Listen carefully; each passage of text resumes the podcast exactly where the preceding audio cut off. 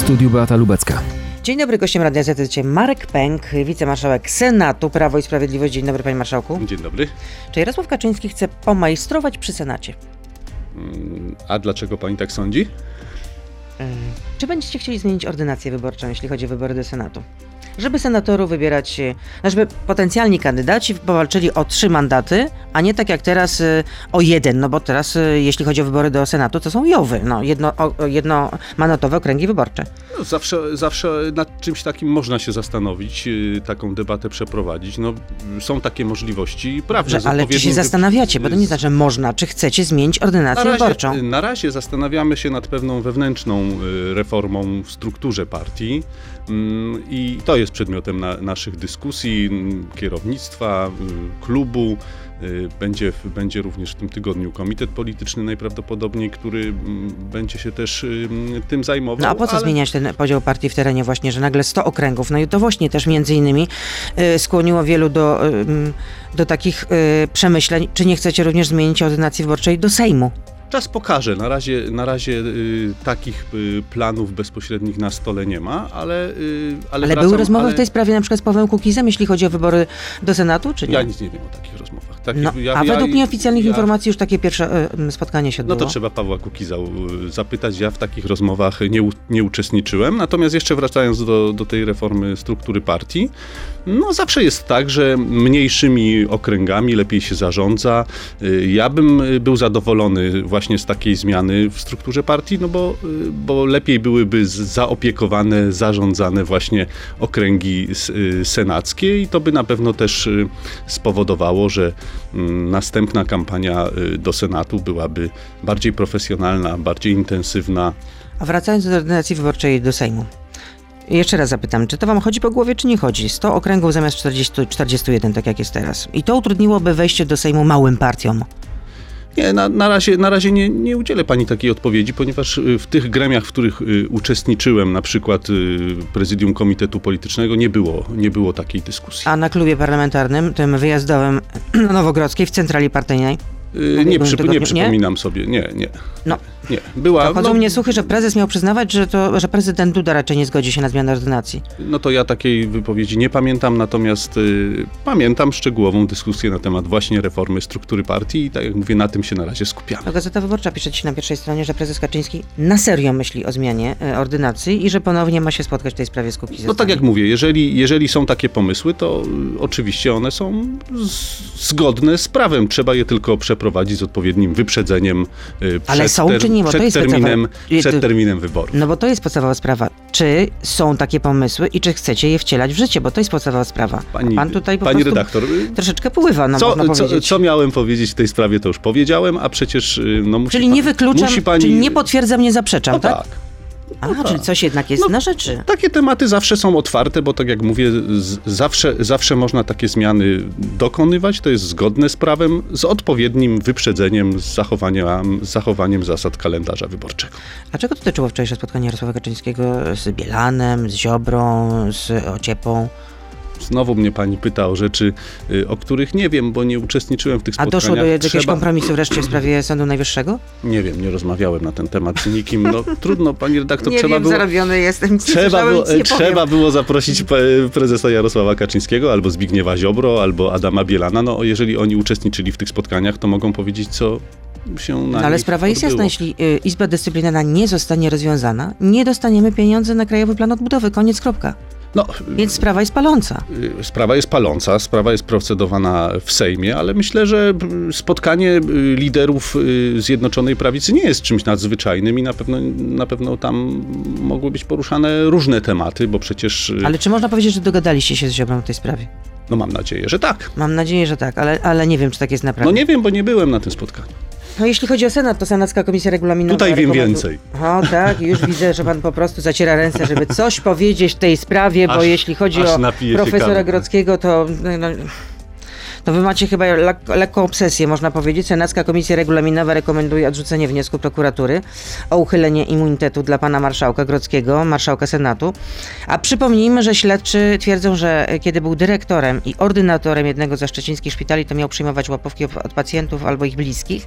No i czy Senat będzie głosował to na tym posiedzeniu? Dzisiaj się rozpoczęcia posiedzenie Senatu. No, to też tego niestety nie wiem, ponieważ o godzinie, Prezydium o tym zdecyduje. O, o no godzinie pan 10, zasad... no, tak, zasiada pan w o, o prezydium. godzinie 10 zbierze się mm, konwent seniorów, najpierw później prezydium, konwent o tym, o tym zapewne mm, zdecyduje. No ja myślę, że tak, spodziewam się, że tak, ponieważ nagle y, ta sprawa doznała y, takiego y, super błyskawicznego przyspieszenia w Senacie. Ja przypomnę, że pod ponad 400 dni ten wniosek leży w, w biurku, leżał w biurku marszałka Borusowicza i nie był poddawany No, procedowaniu. ale wicemarszałek No Borusewicz i- tłumaczył, że po prostu prokuratura no, przedstawiła zły wniosek No tak, i tam go były, nie poprawiła. Tam były, tam były tak naprawdę dwa zarzuty do tego wniosku. Pierwszy był taki, że nie podpisał go bezpośrednio mm, y, Zbigniew Ziobro, ale oczywiście mógł to zrobić y, dając odpowiednie pełnomocnictwo konkretnemu y, prokuratorowi.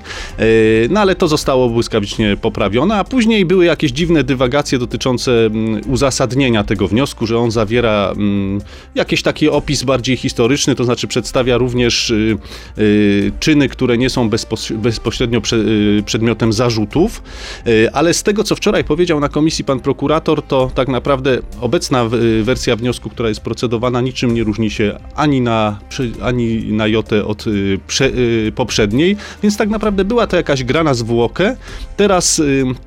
Zapewne została podjęta jakaś decyzja, taka kalkulacja polityczna, że trzeba tą sprawę jednak przeprocedować, y, szybko przeciąć y, w Senacie, załatwić, bo jednak jej przetrzymywanie, mrożenie w nieskończoność przynosi gorsze y, skutki wizerunkowe, polityczne dla Platformy, dla Senatu, dla marszałka Grodzkiego. Czyli jak pan przewiduje, jaki będzie wynik głosowania? Jeśli No, oczywiście dojdzie? przewiduję, że wniosek, że wniosek zostanie odrzucony, czyli marszałek Grodzki zgodnie z doktryną Neumana zostanie obroniony. Będą go bronić No, do upadłego. Ale pan marszałek przecież mówi, że te wszystkie zarzuty są A cóż, bezpodstawne ma mówić, a cóż ma mówić pan marszałek Grodzki, jeżeli jest stroną w tym postępowaniu yy, i on trudno, żeby, żeby się sam pogrążał. Natomiast jeżeli jest taki niewinny, jeżeli jest taki czysty, a wszystko jest dęte i robione na zlecenie prokuratury, jak to wielokrotnie i wczoraj na komisji również mówił, to dziwię się, że ponad rok temu po prostu nie zrzekł się immunitetu, nie stanął z podniesioną głową przed wymiarem sprawiedliwości z najlepszymi polskimi adwokatami, którzy bez przerwy mu towarzyszą nawet na konferencjach w Senacie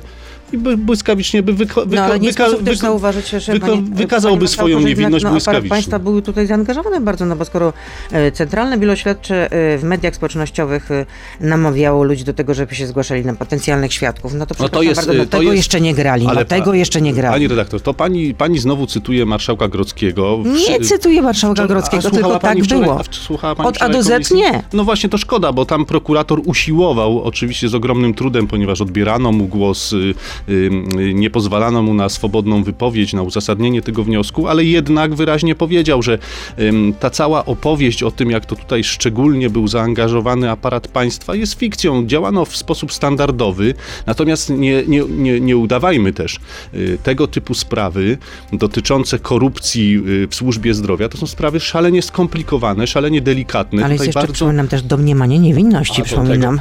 Domniemanie niewinności obowiązuje do samego końca i nikt w Senacie, łącznie ze mną, a może szczególnie ze mną, nigdy nie powiedział o tym, że marszałek Grodzki jest winny i powinien siedzieć.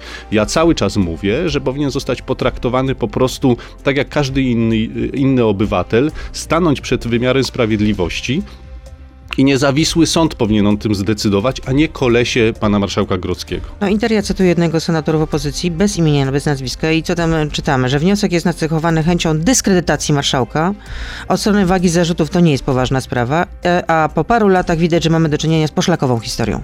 No nie, y, mam ten wniosek, no jeżeli pani redaktor chce, to mogę nawet przeczytać te, te zarzuty. To są konkretne kwoty za konkretne y, obietnice. Obietnice po pierwsze przeprowadzenia y, zabiegów, skomplikowanych zabiegów chirurgicznych bardzo szybko, czyli tu z jednej strony była obietnica szybkich zabiegów, a z drugiej strony przeprowadzenia ich przez najlepszych chirurgów, w tym przez marszałka Grodzkiego. No więc y, no, no sprawy bardzo bulwersujące, skandaliczne, m, bazujące na tym, że ktoś jest bardzo ciężko chory, zagrożenie życia i zdrowia y, najbliższych, no i bierze się za to pieniądze, no więc to jest sprawa poważna. To są zarzuty poważne.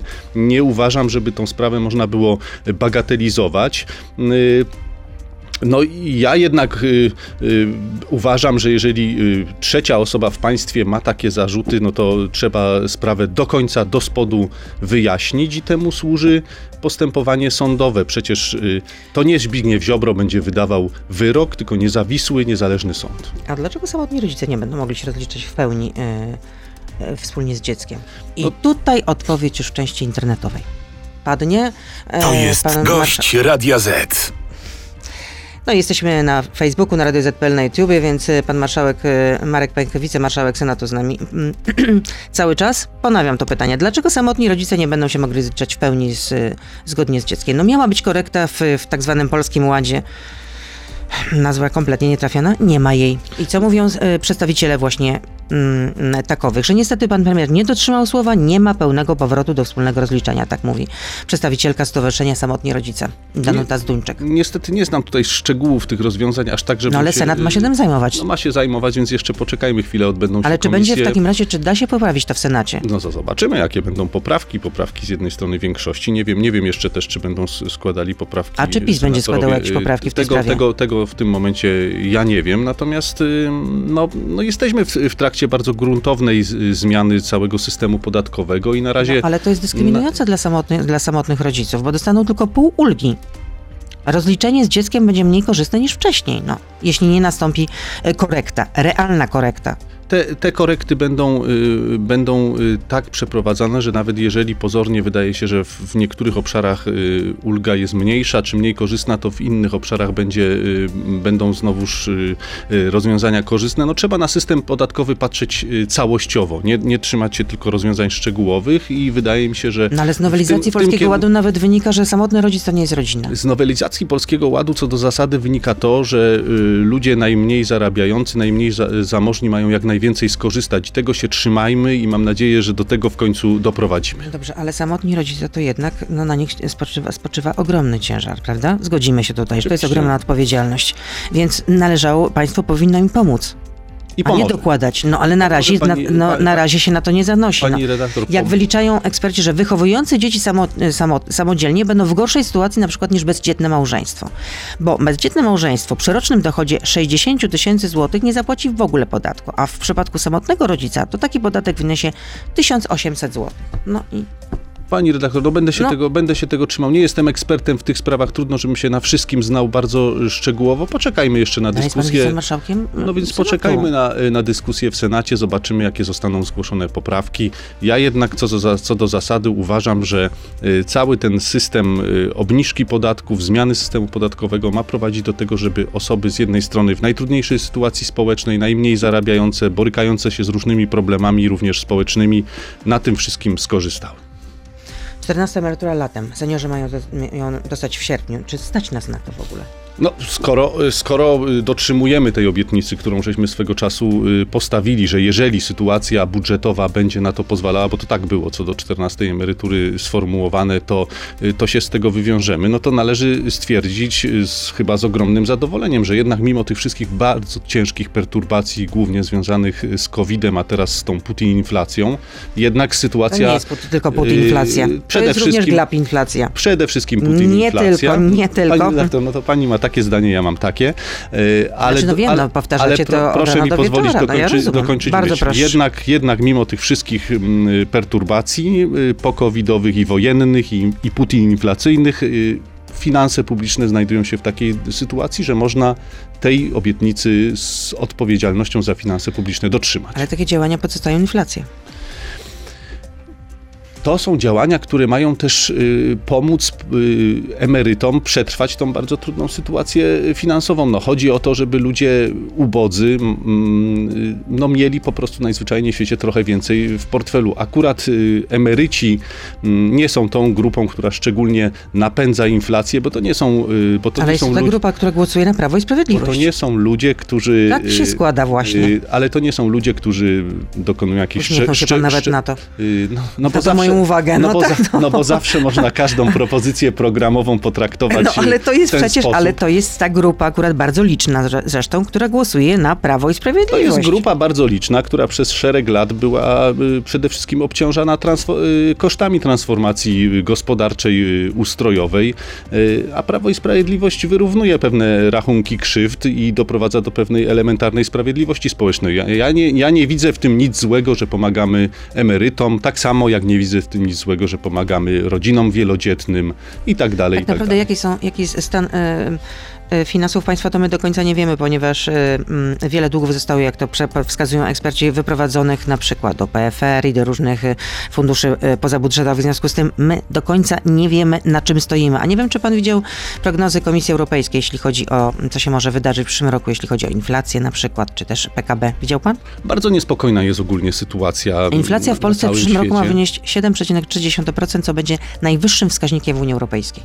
Zobaczymy jeszcze. To są na razie pewnego rodzaju prognozy, ale ja pragnę przypomnieć, że jednak y, zarówno y, kiedy rozpoczęła się pandemia, jak i później, kiedy y, rozpoczęła się ta, ta, ta potworna wojna na Ukrainie i cały ten wielomiesięczny już system destabilizacji również gospodarczej, takiej globalnej, no to polska gospodarka była w wyjątkowo dobrej kondycji. To nam pozwoliło y, jednak y, ten y, kryzys y, przejść y, stosunkowo dobrej sytuacji. No proszę popatrzeć na na inne kraje, na kraje dużo zamożniejsze, na, na kraje, które No ale tam nie ma tak wydawały... wysokiej inflacji. Ale są inne problemy. Są problemy na przykład y, y, ogromnego zadłużenia, bardzo wysokich deficytów, y, y, bardzo wysoko, wysokiego y, bezrobocia, niezadowolenia społecznego i tak dalej, i tak dalej. No trzeba na to wszystko patrzeć A całościowo. gdzie jest takie wysokie bezrobocie?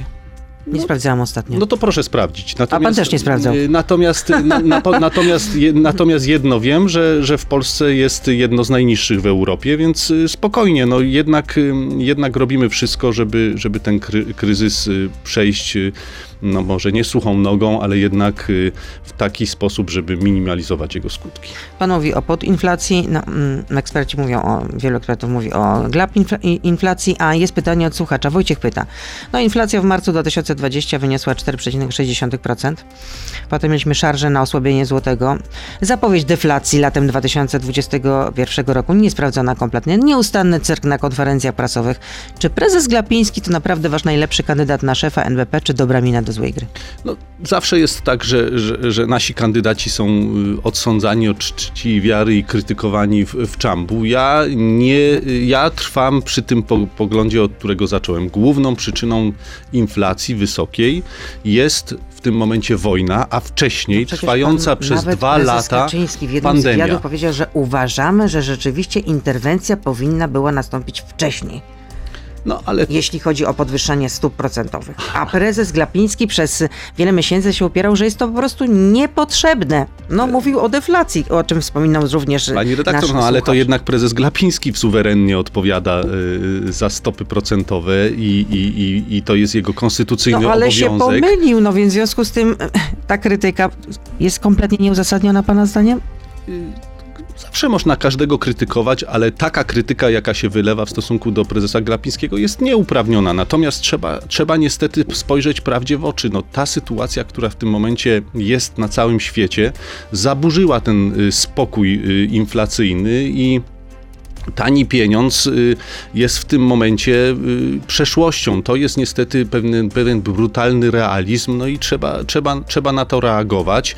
Na razie y, prezes Glapiński reaguje. Oczywiście mm, to nie jest tak, że można jak, jak za dotknięciem czarodziejskiej różdżki wszystkie te zjawiska jakimiś dwiema, trzema decyzjami Narodowego Banku Polskiego mm, całkowicie uzdrowić. No żyjemy w tym momencie w bardzo niespokojnych i trudnych czasach. I na to nie ma prostych, y, nie ma na to prostych recept. A czy takie osoby na przykład, które postawiły się prezesowi, nazwijmy to tak najbardziej kolokwialnie i wprost, y, jak na przykład były minister rolnictwa Jan Krzysztof Ardanowski, znajdą się na listach wyborczych?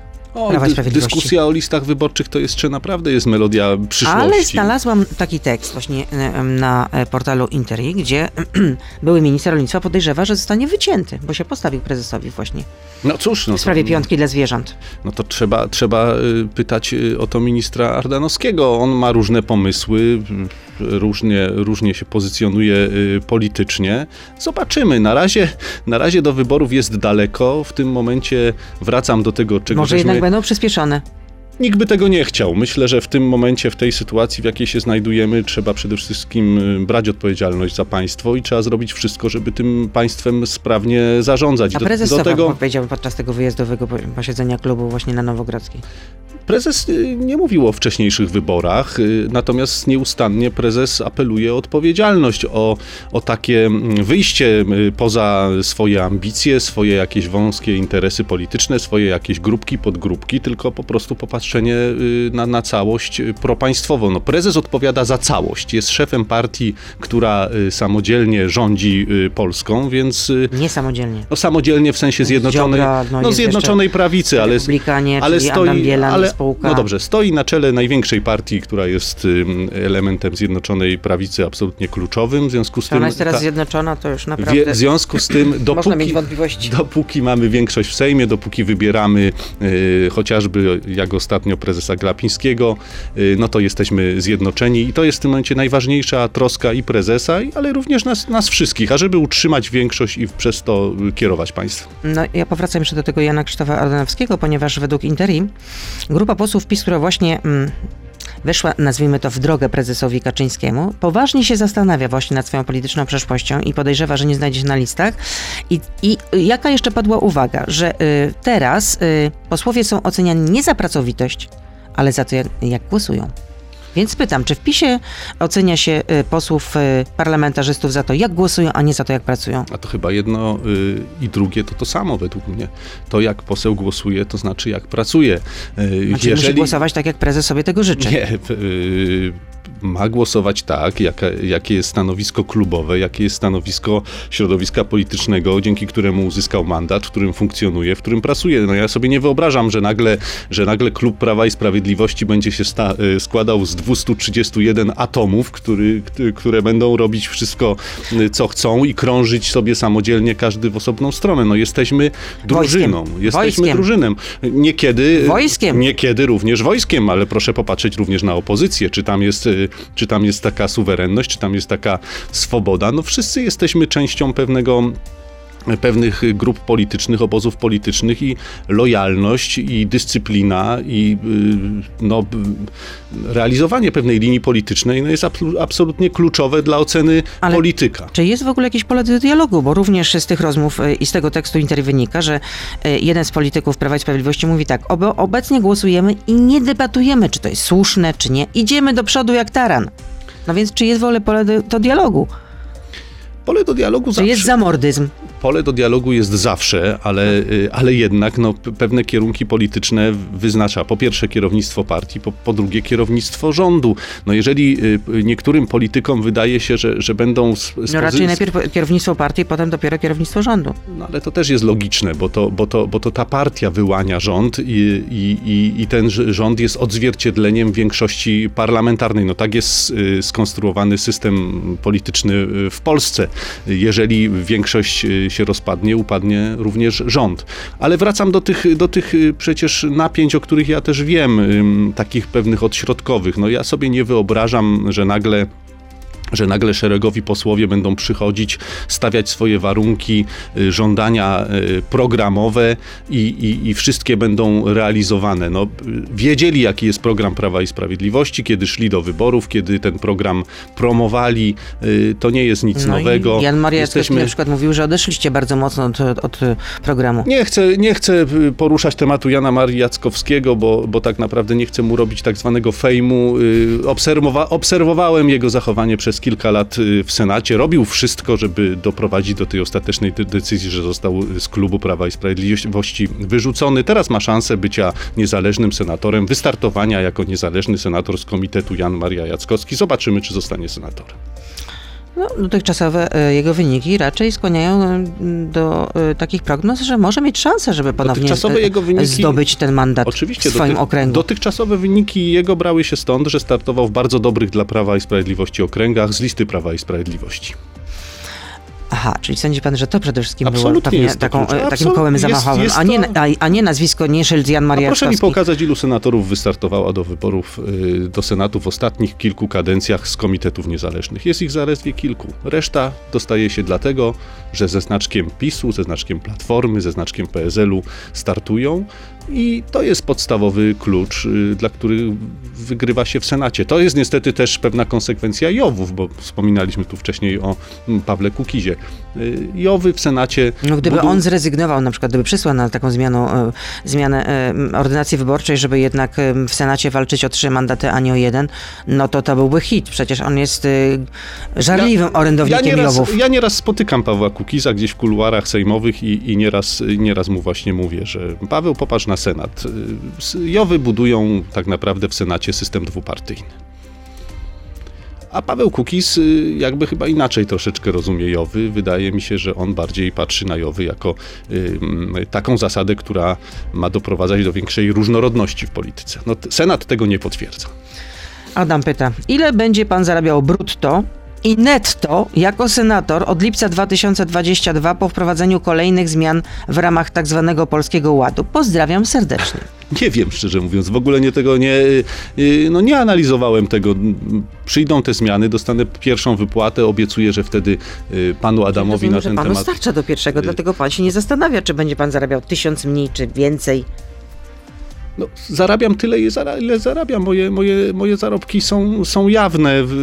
Oczywiście, że, że, że to są zarobki z punktu widzenia y, średniej krajowej, całkiem wysokie i ja nie narzekam.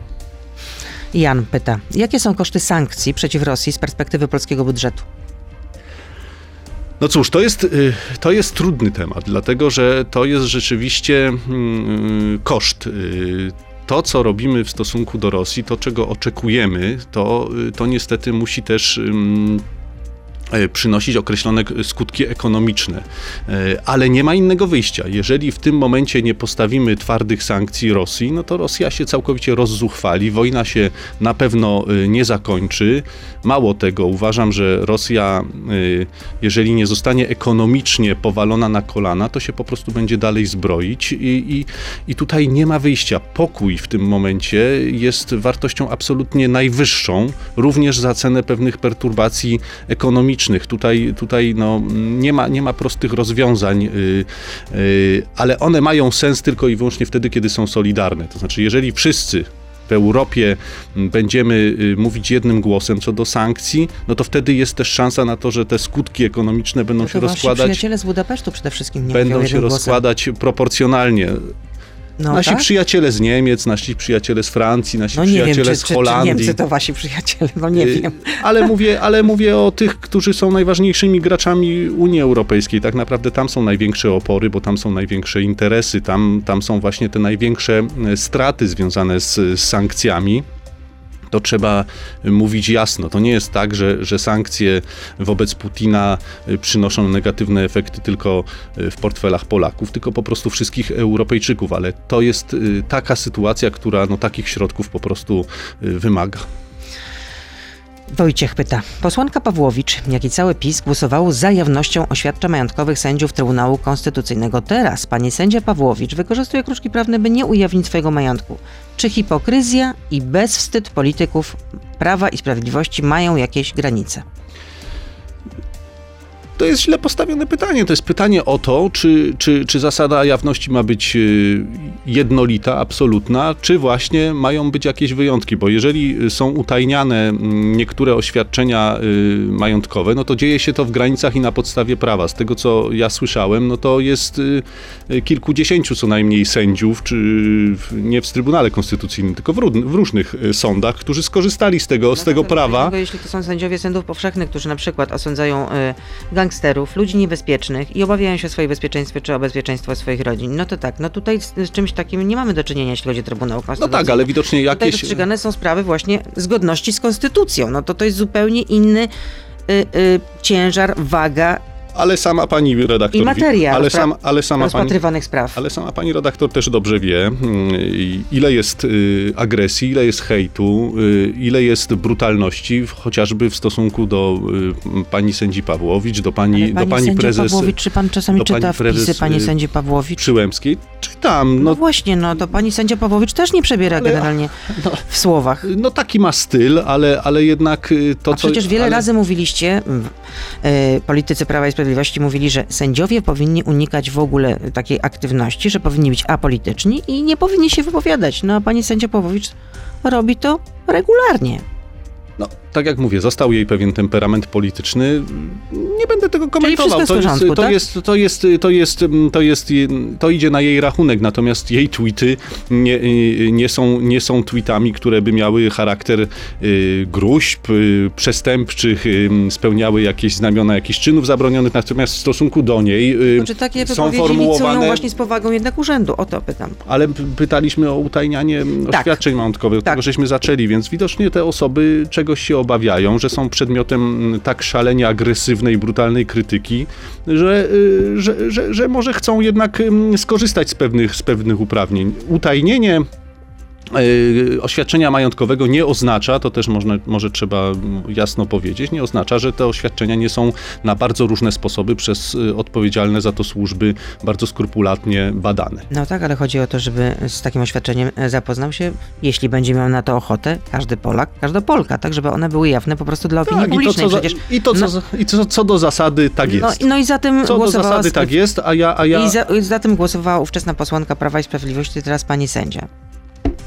Więc widać, że chyba punkt widzenia zależy jednak od punktu siedzenia. No. no, od konkretnej też sytuacji, w jakiej konkretny człowiek się znajduje. Widocznie wcześniej pani Pawłowicz, y, poseł Pawłowicz, nie spotykała się aż, aż, z aż tak agresywnym hejtem w stosunku do niej osoby, który, który jest też oburzający.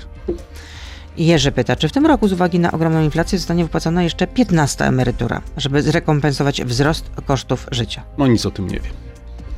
Na 14 poprze, poprzestaniemy, tak?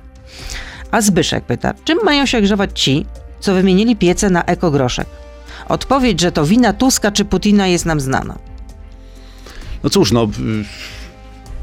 Ta sytuacja, w której się obecnie znajdujemy, y, tego, mm, tego y, z jednej strony no, trzeba powiedzieć o winie Tuska, bo niestety uzależnienie energetyczne od Rosji no, następowało głównie za jego rządów.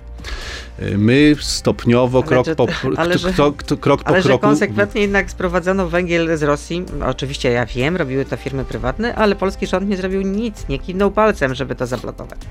No niestety były to, były to regulacje na poziomie europejskim i bardzo trudno było to zablokować, natomiast państwo polskie już od wielu, wielu y, miesięcy nie kupowało y, węgla rosyjskiego i to też trzeba uczciwie powiedzieć, więc tam, gdzie rząd miał bezpośredni wpływ, tam podjął konkretne decyzje. Natomiast y, no, ta sytuacja, w której się obecnie znajdujemy, no, jest też ogromnym wyzwaniem dla całego rynku energetycznego, dostaw y, źródeł energii, y, więc no, no, przed nami na pewno jeszcze nie jedna rewolucja energetyczna, bo, no, bo tą pustkę trzeba, trzeba jakoś zape- ja odpowiadam na zapewnić. pytanie, no co mają zrobić ci, którzy wymienili piece na ekogroszek? Muszą teraz wymienić na kolejny piec po prostu, tak? No, m- myślę, myślę, że, że... To są koszty przecież. Oczywiście, że to są koszty, no ale któż mógł przewidzieć, że będzie wojna? No, no, nie no, Amerykanie przewidywali, że będzie wojna. No, rozumiem, że przecież w tamtym roku już dostaliście Nie, no po prostu, po prostu, wywiadowcze po prostu przyjaciół z, pani, z, pani z- redaktor, z zmie- zmierzam do tego, że, że naprawdę w tej sytuacji nie ma prostych odpowiedzi na tak postawione pytania. No, został zburzony y, pewien ład, pewien porządek y, energetyczny, źródeł energii, y, technologii i tak dalej, i tak dalej. I no naprawdę będziemy, będziemy na pewno długie lata wychodzić y, z tego kryzysu i dochodzić do, do nowej równowagi. I jeszcze jest jedno pytanie od internauty, który ma taki oto nick Szczery Polak. Czy zdaniem panie marszałka senatorowie opozycji zagłosują przeciw ustawie PiS o obniżce podatku PIT z 17 do 17%, tak jak posłowie opozycji w Sejmie? No, to zobaczymy w najbliższych dniach, natomiast y, no, wydaje mi się, że nie zagłosują przeciw, natomiast spodziewam się oczywiście mm, licznych poprawek. Y, Najczęściej jest y, w Senacie mm, tak, że, mm, że, że obecnie, że większość senacka próbuje do góry nogami wy, wywracać ustawy sejmowe, wprowadzać tam całą masę różnych poprawek, które najczęściej się, są nie do zrealizowania, głównie z, z powodów budżetowych. No i Ostatnie słowo będzie należało do Sejmu, więc niezależnie od tego, co większość senacka z tymi ustawami podatkowymi mm, zrobi, to mam nadzieję, że y, Sejm y, doprowadzi je do takiego porządku, a żebyśmy mogli mm, odpowiedzialnie za finanse publiczne te zmiany podatkowe przeprowadzić.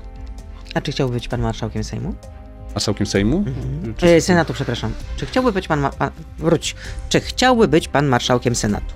No byłem kandydatem na marszałka Senatu, No właśnie, no. y, więc pewnie bym chciał. y, Natomiast, y, natomiast y, ten wniosek, który składaliśmy o odwołanie marszałka Grodzkiego miał przede wszystkim taki wymiar moralny, to znaczy uważaliśmy w tym, może bezpośrednio i ja, bo ja byłem inicjatorem całego tego y, postępowania, że ta wypowiedź marszałka Grodzkiego w formie orędzia do narodu y, ukraińskiego jest tak skandaliczna i tak sprzeczna z polską racją stanu, że, że po prostu musi y, ponieść y, taką odpowiedzialność polityczną i to była nasza demonstracja. Taka Ale wy naprawdę ramach... wierzyliście, że e, to jest możliwe, że odwołanie marszałka Grodzkiego? Wiara zawsze jest, bo jest, bo jest wiara w elementarną y, przyzwoitość w polityce. A nie Ja chodziło po jednak- prostu o takie polityczne amatornictwo, żeby jednak jeszcze dowalić po prostu Grodzkiemu? Nie, nie, pa, pani redaktor. W Sejmie jest taki instrument jak wotum nieufności wobec poszczególnych ministrów, wobec, wobec premiera i jest bardzo często przez opozycję wykorzystywany,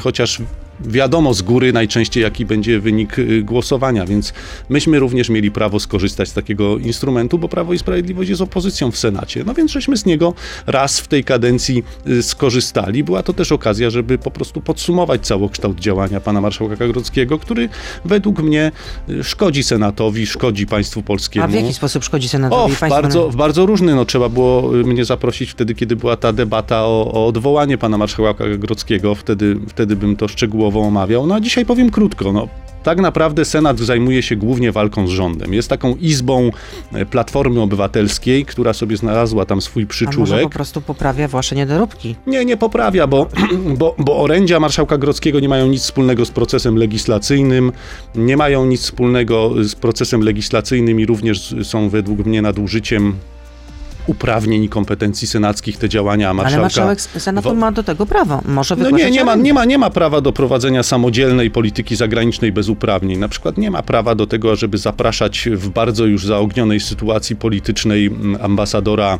Rosji do, do swojego gabinetu i oferować mu propozycję otwarcia kanału y, dyplomacji parlamentarnej na poziomie wicemarszałków. To było nieuzgodnione z rządem, to było sprzeczne z, z polityką zagraniczną i minister Rał mówił, że marszałek Grodzki nie ma do tego żadnego y, y, upoważnienia. Więc marszałek y, Grodzki robi wszystko, żeby Senat nie był Senatem, żeby Senat był taką areną bardzo ostrej walki z rządem, alternatywnej polityki zagranicznej, bardzo dziwacznych inicjatyw ustawodawczych i takiej aktywności samodzielnej, która pokazuje, że, że po prostu mamy do czynienia z państwem w państwie. Tego w Senacie nigdy nie było. Dodatkowo jeszcze cała ta kwestia immunitetu mrożona przez 422 już dzisiaj y, dni No nie, bez teraz jest już uzasadnienia. odmrożona. Teraz No już jest ale, odmrożona. no ale dzisiaj jest No odmrożona. ale jest Ale odmrożona, kiedy no. składaliśmy wniosek o jego odwołanie, nie była odmrożona i nic nie zapowiadało, że zostanie odmrożona, bo tak jak mówię, wniosek ani, na, ani co do przecinka się nie zmienił. Marszałek Borusewicz mówił, że takiego wniosku nie można procedować, a nagle wczoraj okazało się, że można. Marek Pęk, wicemarszałek Senatu był z nami Prawo i Sprawiedliwość. Dziękuję, dobrego dnia życzę. Dziękuję bardzo. To był gość Radia Z. Słuchaj codziennie w Radio Z i na player radioz.pl.